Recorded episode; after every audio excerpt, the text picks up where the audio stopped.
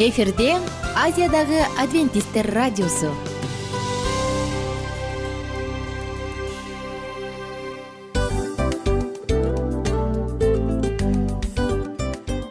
Достор салют. Баардык сүйүктүү угармандарыбызга салам айтабыз. Кутман күнүңүздөр менен.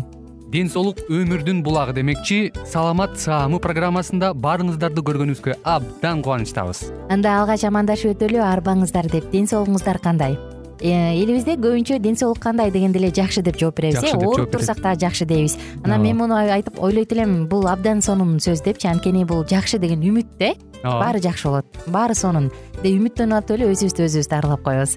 Анысы кандай сиздин дагы ден соолугуңуз жакшы беш деген үмүттөбүз чындыгында ден соолук бул өмүрдүн булагы деп бекеринен айтылган эмес деп ойлойм. Кыргыз элинде анткени эгерде ден соолук жок болсо анда адамдын жашоосунда калган баардык керектүү маңыздуу нерселер өзүнүн баалуулугун жоготуп коет. Ошондуктан ден соолук бул эң керектүү нерсе. Ооба туура айтасың кесиптешим. Чынында ден соолугуң жок бир эки үч күн ооруп калсаң эле э кандай болуп калат? Жашоодо көз каранды болуп каласың көп нерсеге жетишпей каласың көп нерсени кыла албай каласың жада калса эшикке дүкөнгө да чыга албай каласың. Туптуура анан ден соолук болсо демек биз биздин бактыбыз тоодой деп койсок болот. Анда достор саламат рубрикабызды баштайлы. Алдыда өзүңүзгө керектүү болгон сонун кеңештерди уга аласыздар. Мына ошондуктан биз менен бирге болуңуздар. Ал эми биз болсо милан жана айнура. Кеттик алга. Алга саламат саама ден соолуктун жарчысы. Саламат саама ден соолуктун ачкычы. Күн сайын сиз үчүн мыкты кеңештер сонун жаңылыктар кызыктуу фактылар. Биздин рубрикада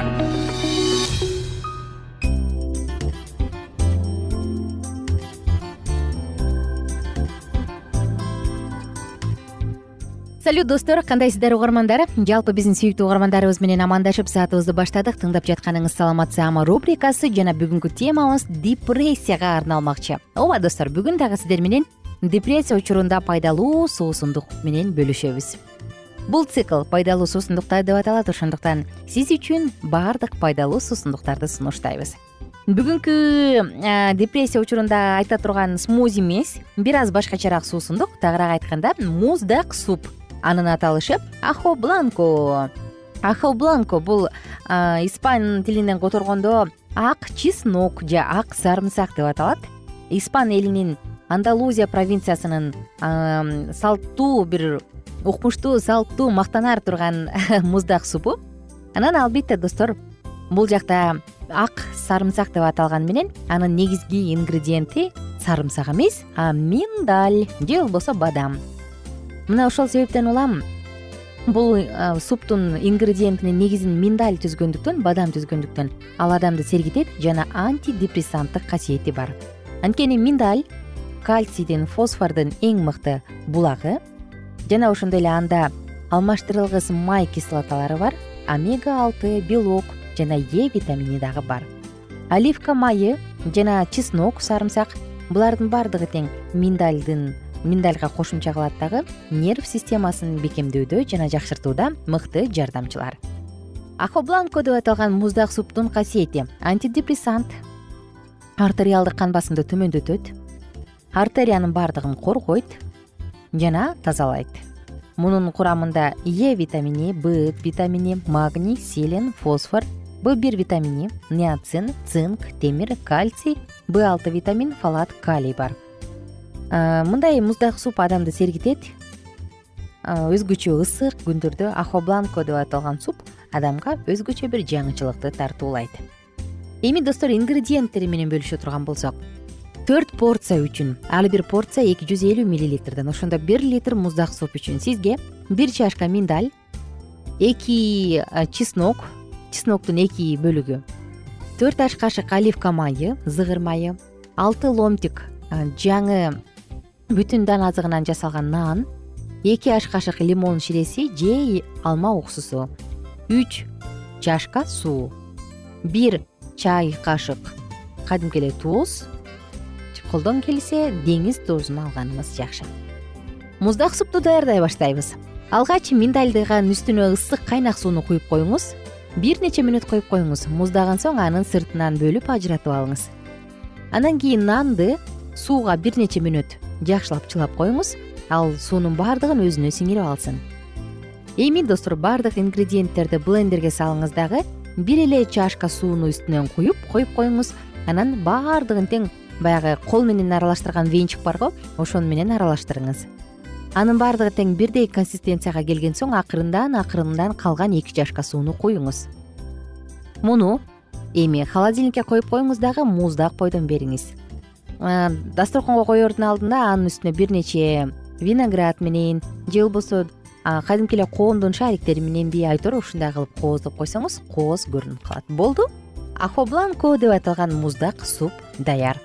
Адам эмнени жесек эмнени ичсек булардын баардыгы тең биздин нерв системабызга жана биздин маанайыбызга түздөн түз таасир этет. Ошондуктан достор депрессия учурунда дагы сиз өзүңүздүн маанайыңызга дал ушундай ыкма менен кам көрүңүз негизи депрессия деген эмне? Бул кыргызча айтканда көңүл чөгүү э?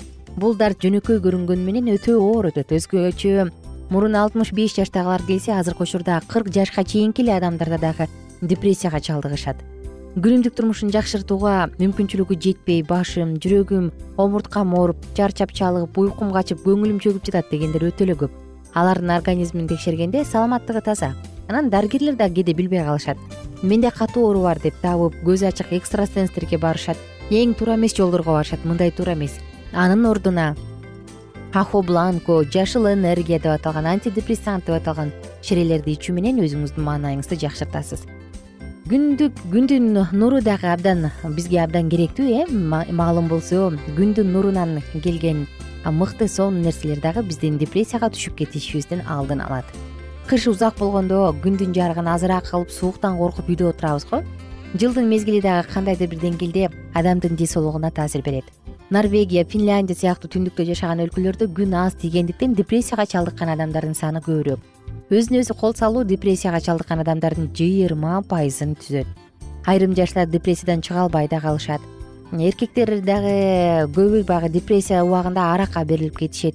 Жапжаш кыздар чачын дагы тарагысы келбейт тез чарчап алы кетип калат. Булардын баардыгы депрессиянын бирден бир белгилери. Мына ошондуктан достор жазда аба ырайы мезгил алмашып турган учурда депрессияны колдой турган ыңгайлуу шарттар биохимиялык өзгөрүүлөр пайда болот. Адамдын башында серотамин деген зат бар. Эгер ал бөлүнүп чыкпаса биз депрессияга бөлүнүп калабыз түшүп калабыз. Ошондуктан колдон келишинче таза абага сейилдеңиз пайдалуу азыктарды жашылчаларды жеңиз.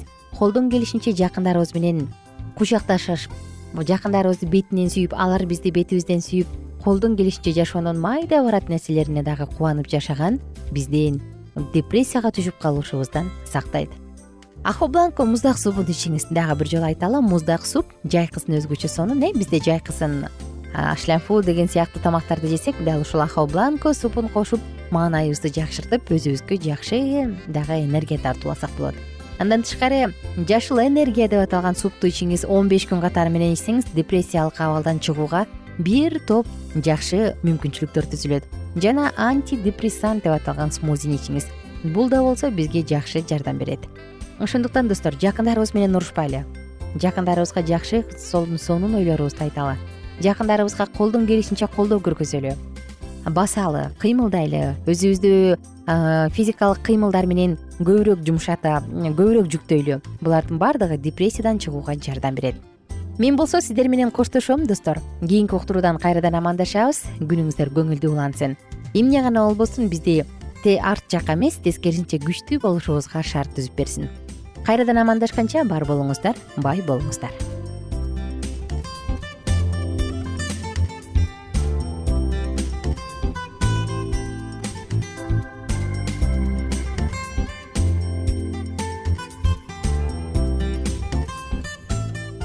кененирээк маалыматтар үчүн үч w чекит саламат чекит клуб сайтына келип таанышыңыздар. Жана андан тышкары социалдык тармактарда youtube facebook жана instagram баракчаларына катталыңыз.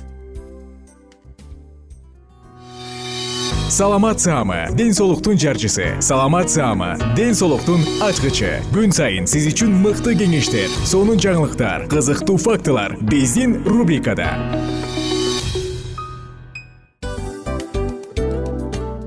салам достор. Кайрадан биздин сүйүктүү рубрикабызга кош келиңиздер деп айтмакчыбыз.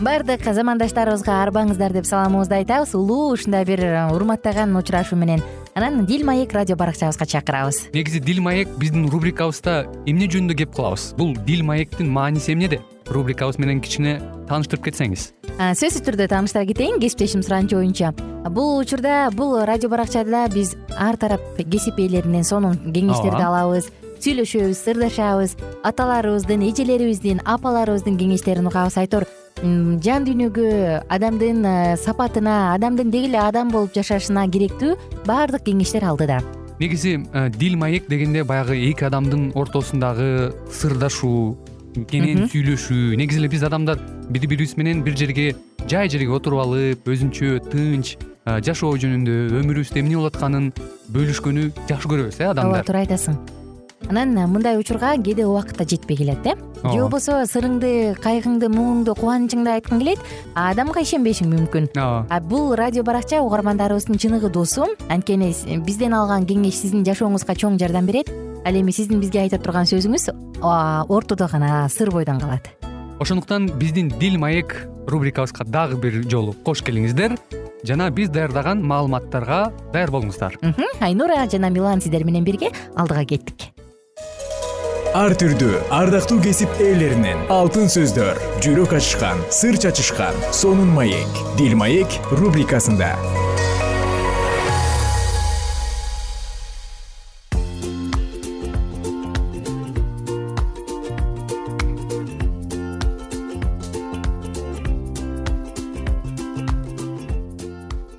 салам достор кутман күнүңүздөр менен кадырлуу замандаштар. Жалпыңыздар менен кайрадан биз жагымдуу саатыбызды баштадык дил маек уктуруусу. Бүгүн сиздер менен мириам тууралуу саатыбызды улантабыз. Мириам жогору коюлган. Бирок өзүн андан да жогору койгон аял. Бул цикл аял жубай жана эне деп аталат. Дагы тарыхка из калтырган канчалаган аял затынын жашоосуна сүңгүп кирип аларга анализ жүргүзүп өзүбүзгө керектүү сабактарды алабыз биз менен бирге болуңуздар достор. Эске сала кетсек мурунку уктурууда мириам жөнүндө сөз кылып мириам муса жана арон рохебет менен абрамдын үй бүлөсүндө төрөлгөндүгүн. Жана бул үчөө тең өзүнчө бир башчы лидерлер экенин сөз кылганбыз. Алар үчөө биргелешип алып элине кызмат кылышкан. Мириам баягы деңизден кызыл деңизден өтүп аткан учурда ысрайыл эли жүз жашта экенин айтканбыз. Ал турмушка чыккан эмес ошентсе дагы өзүнүн балдарына сыяктуу элге кызмат кылып элдин көптөрүнүн энеси боло алгандыгын айтканбыз. Анан мириам муса эфиопиялыктардан аял алгандыгы үчүн аны жемелейт э? Аны айыптайт. Эми андан ары улантабыз? Муса экинчи аялын эфиопиялыктардан алганда ушул нерсе мириамдын нааразычылыгын пайда кылган. Албетте бул мириам үчүн өтө оор сыноо болду. Эмне үчүн муса кудайдын адамы башка урууга таандык аялга үйлөнүп алды балким мусанын жашоосунда аял кандайдыр бир ролду ойной тургандыгын сезүү күйөөсү жок мириамды кыйнап жаткандыр. Же еврей элиндеги башы бош аялдардын кимиси болбосун мусанын өмүрлүк жары болгонго жан тили менен макул болоруна карабастан иниси башка уруунун кызын аялдыкка алганына алгапа болгондур албетте бул суроолорго библия жооп бербейт.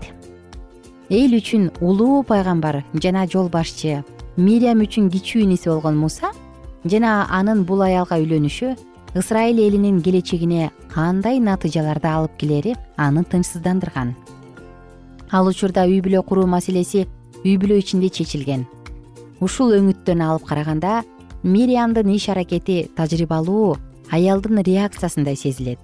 Бирок бул андай эмес эле. Аял жете ала турган эң жогорку даражага жеткен кудай тарабынан улуу эл башчылар муса жана арун менен бир катарга коюлган мириам чектен ашып кетти. Ал өзүнө жогору баа берип өзүн муса менен бирдей деңгээлге кое баштады. Өзүнүн тегиберлиги менен мусанын кадыр баркын кетирди. Эмне үчөөбүздүн ичибизден муса эле эл башчы болуп эсептелеби? деп сурады ал өзүнөн өзү э?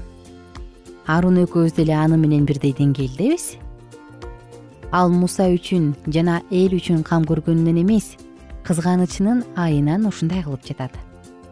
Арунду көндүрүү мириам үчүн оңой болду. Ал жууш адам эле ошондуктан кайраттуу эжесинен каршы чыкпайт. Ошентип бул экөө бүтүндөй элдин биримдиги менен келечегине өздөрүнүн амбицияларынын негизинде карай башташты.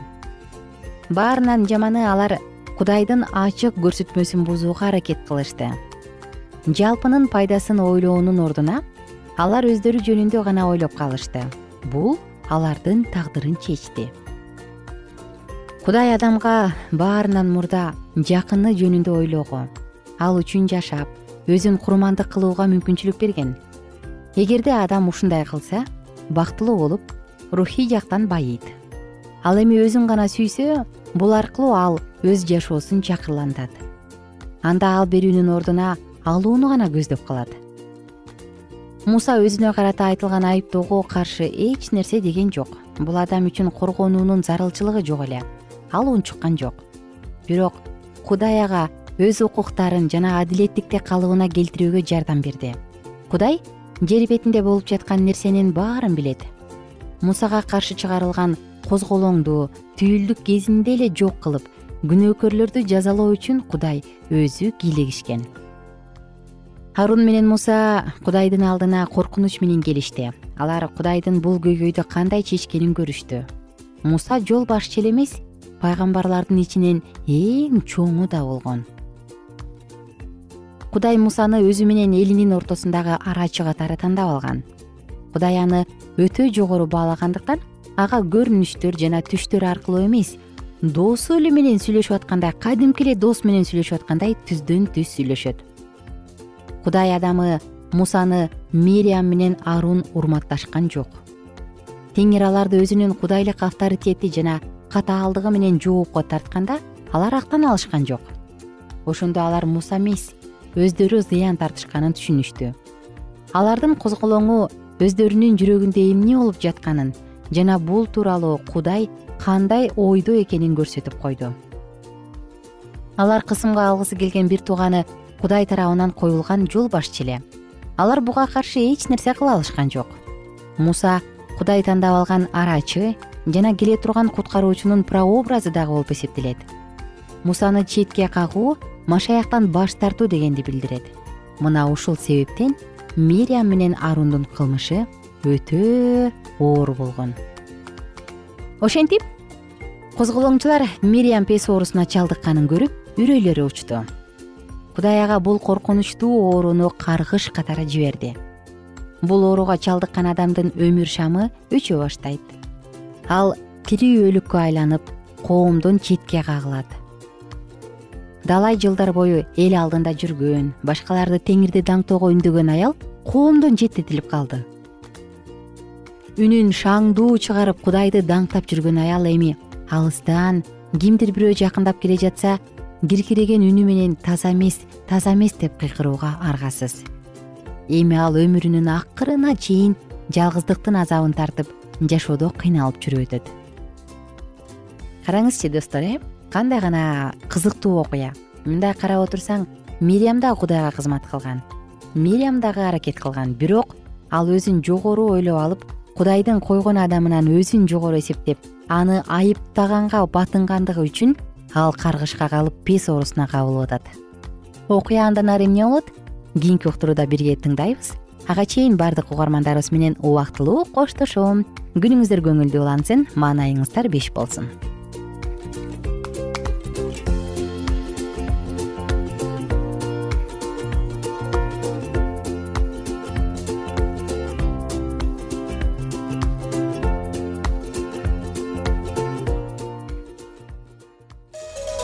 ар түрдүү ардактуу кесип ээлеринен. Алтын сөздөр жүрөк ачышкан сыр чачышкан сонун маек. Дил маек рубрикасында.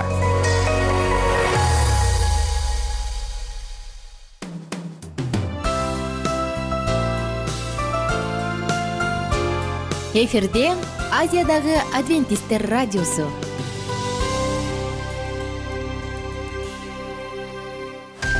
жан дүйнөңдү байыткан жүрөгүңдү азыктанткан жашооңо маңыз тартуулаган жан азык рубрикасы.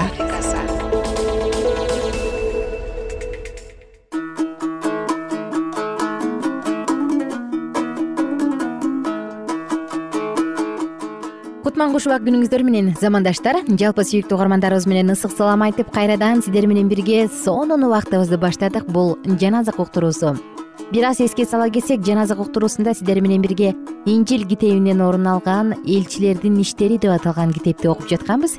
Бүгүн андан ары улантабыз жыйырманчы бөлүмгө келгенбиз. Анда достор бул учур сиздер үчүн жагымдуу болсун. Биз менен бирге болуңуздар. Элчилердин иштери жыйырманчы бөлүм. Козголоң басылгандан кийин пабыл шакирттерди чакырып аларга насаат айтты. Анан алар менен коштошуп македонияга жол тартты. Македонияны кыдырып ыйсага ишенгендерге көп насаат айткандан кийин грецияга келди. Пабыл ал жерде үч ай болгондон кийин сирияга македония аркылуу кайтып келүүнү чечти. Анткени кеме менен сирияга жол тартаар алдында жүйүттөр ага каршы козголоң чыгарышты. Бероялык пурдун уулу сосипатыр тессалоникалык аристарх менен секундос дербелик гай тиметей жана асиялык тихик менен трофим аны асияга чейин узатып барышты. Алар бизден мурун жолго чыгып бизди троаста күтүп турушту. Биз болсо ачыткысыз нан майрамынан кийин филиппиден кеме менен чыгып беш күндөн кийин аларга троаска келип ал жерде жети күн болдук. Жуманын биринчи күнү пабыл нан сындыруу үчүн чогулган шакирттер менен сүйлөштү. Ал эртеси күнү жолго чыга турган болгондуктан алар аны менен түн ортосуна чейин сүйлөшүп олтурушту. Биз чогулган үйдүн жогорку бөлмөсүндө көп шам чырак күйүп турган. Терезеде эйтих деген бир жаш улан отурган.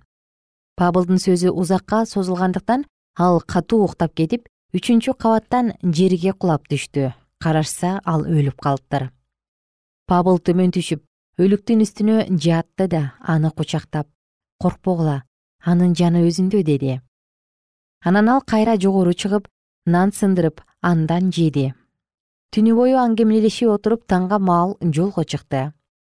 Бул арада жаш уланды үйгө тирүү алып келип бардыгы кубанычка батышты. Биз пабылдан мурун кемеге отуруп ас шаарын көздөй жол тарттык. Биз аны ошол жерден алып кетмекпиз. Ал өзү жөө баргысы келбегендиктен бизге ушундай кылууну буйруган аны менен биз аста жолуктук да мителене шаарына чогуу келдик. Ал жерден кеме менен сүзүп чыгып эртеси күнү хиос аралынан алыс эмес жерге келип токтодук.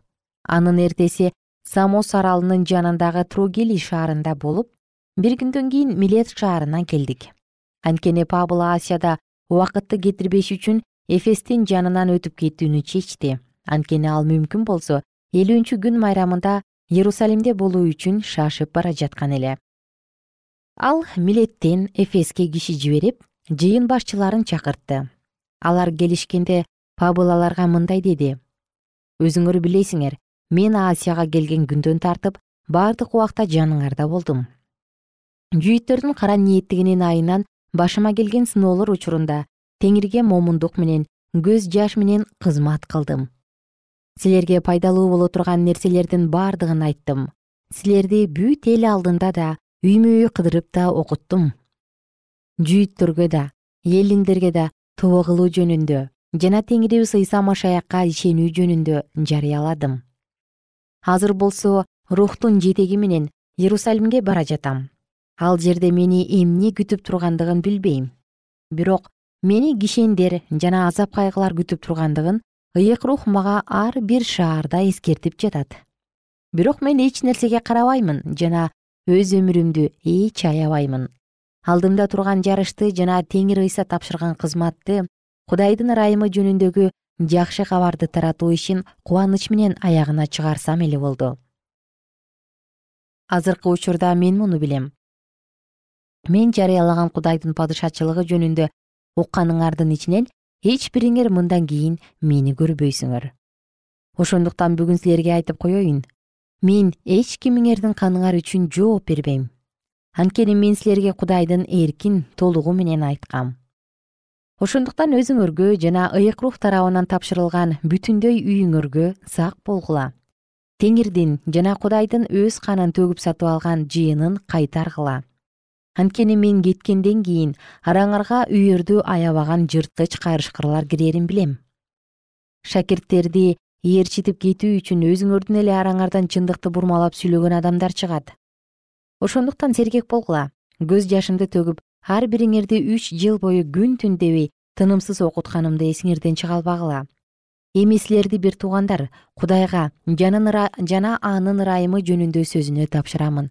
Ал сөз силерди калыптандырып ыйыкталгандар менен бирге мураска ээ кылат. Эч кимден күмүш да алтын да кийим да алууну каалаган жокмун. Силер өзүңөр билесиңер. Өзүмдүн да жанымдагылардын да муктаждыгы үчүн өз колум менен эмгектендим. Ушинтип эмгектенип ал сыздарга жардам берүү керек экендигин ыйса теңирдин алганга караганда берген жакшы деген сөзүн унутпоо керек экендигин бардык жагынан көрсөттүм бул сөздөрдү айткандан кийин ал тизе бүгүп бардыгы менен чогуу сыйынды. Бардыгы аябай ыйлап пабылды мойнунан кучактап өпкүлөштү алар аларды пабылдын мени мындан кийин көрбөйсүңөр деген сөзү өзгөчө кайгыртты. Андан кийин алар аны кемеге чейин узатып барышты кымбаттуу замандаштар. Бүгүн сиздер менен бирге дагы элчилердин иштеринен он жыйырманчы бөлүмдөн сонун маалыматтарды окудук. Караңыздарчы ыйса теңирибиздин ыйса машаяктын ыйса теңирибиз машаяктын кандай гана кереметтүү сонун жакшы кабары бар. Ал жөн гана жакшы кабар эмес ал ар бир жүрөккө ар бир адамга үмүт тартуулайт. Эмне болгон жакшы кабар албетте ар бир адам түбөлүк өмүргө ээ боло алат ар бир адам жаратуучунун бут алдында бейиште деп коет эмеспизби. Ошол жерде боло алат. Ал үчүн болгону гана ыйса теңирдин биз үчүн өлгөндүгүнө ишенүү.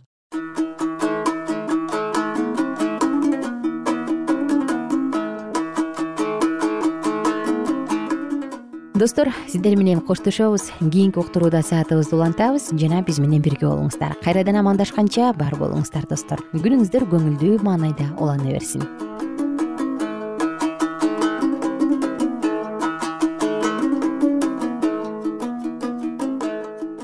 эгер сиздерде суроолор болсо же көбүрөөк маалымат билем десеңиз анда биздин whatsapp номерибизге жазыңыз. Плюс бир үч жүз бир жети жүз алтымыш алтымыш жетимиш. Кайрадан плюс бир үч жүз бир жети жүз алтымыш алтымыш жетимиш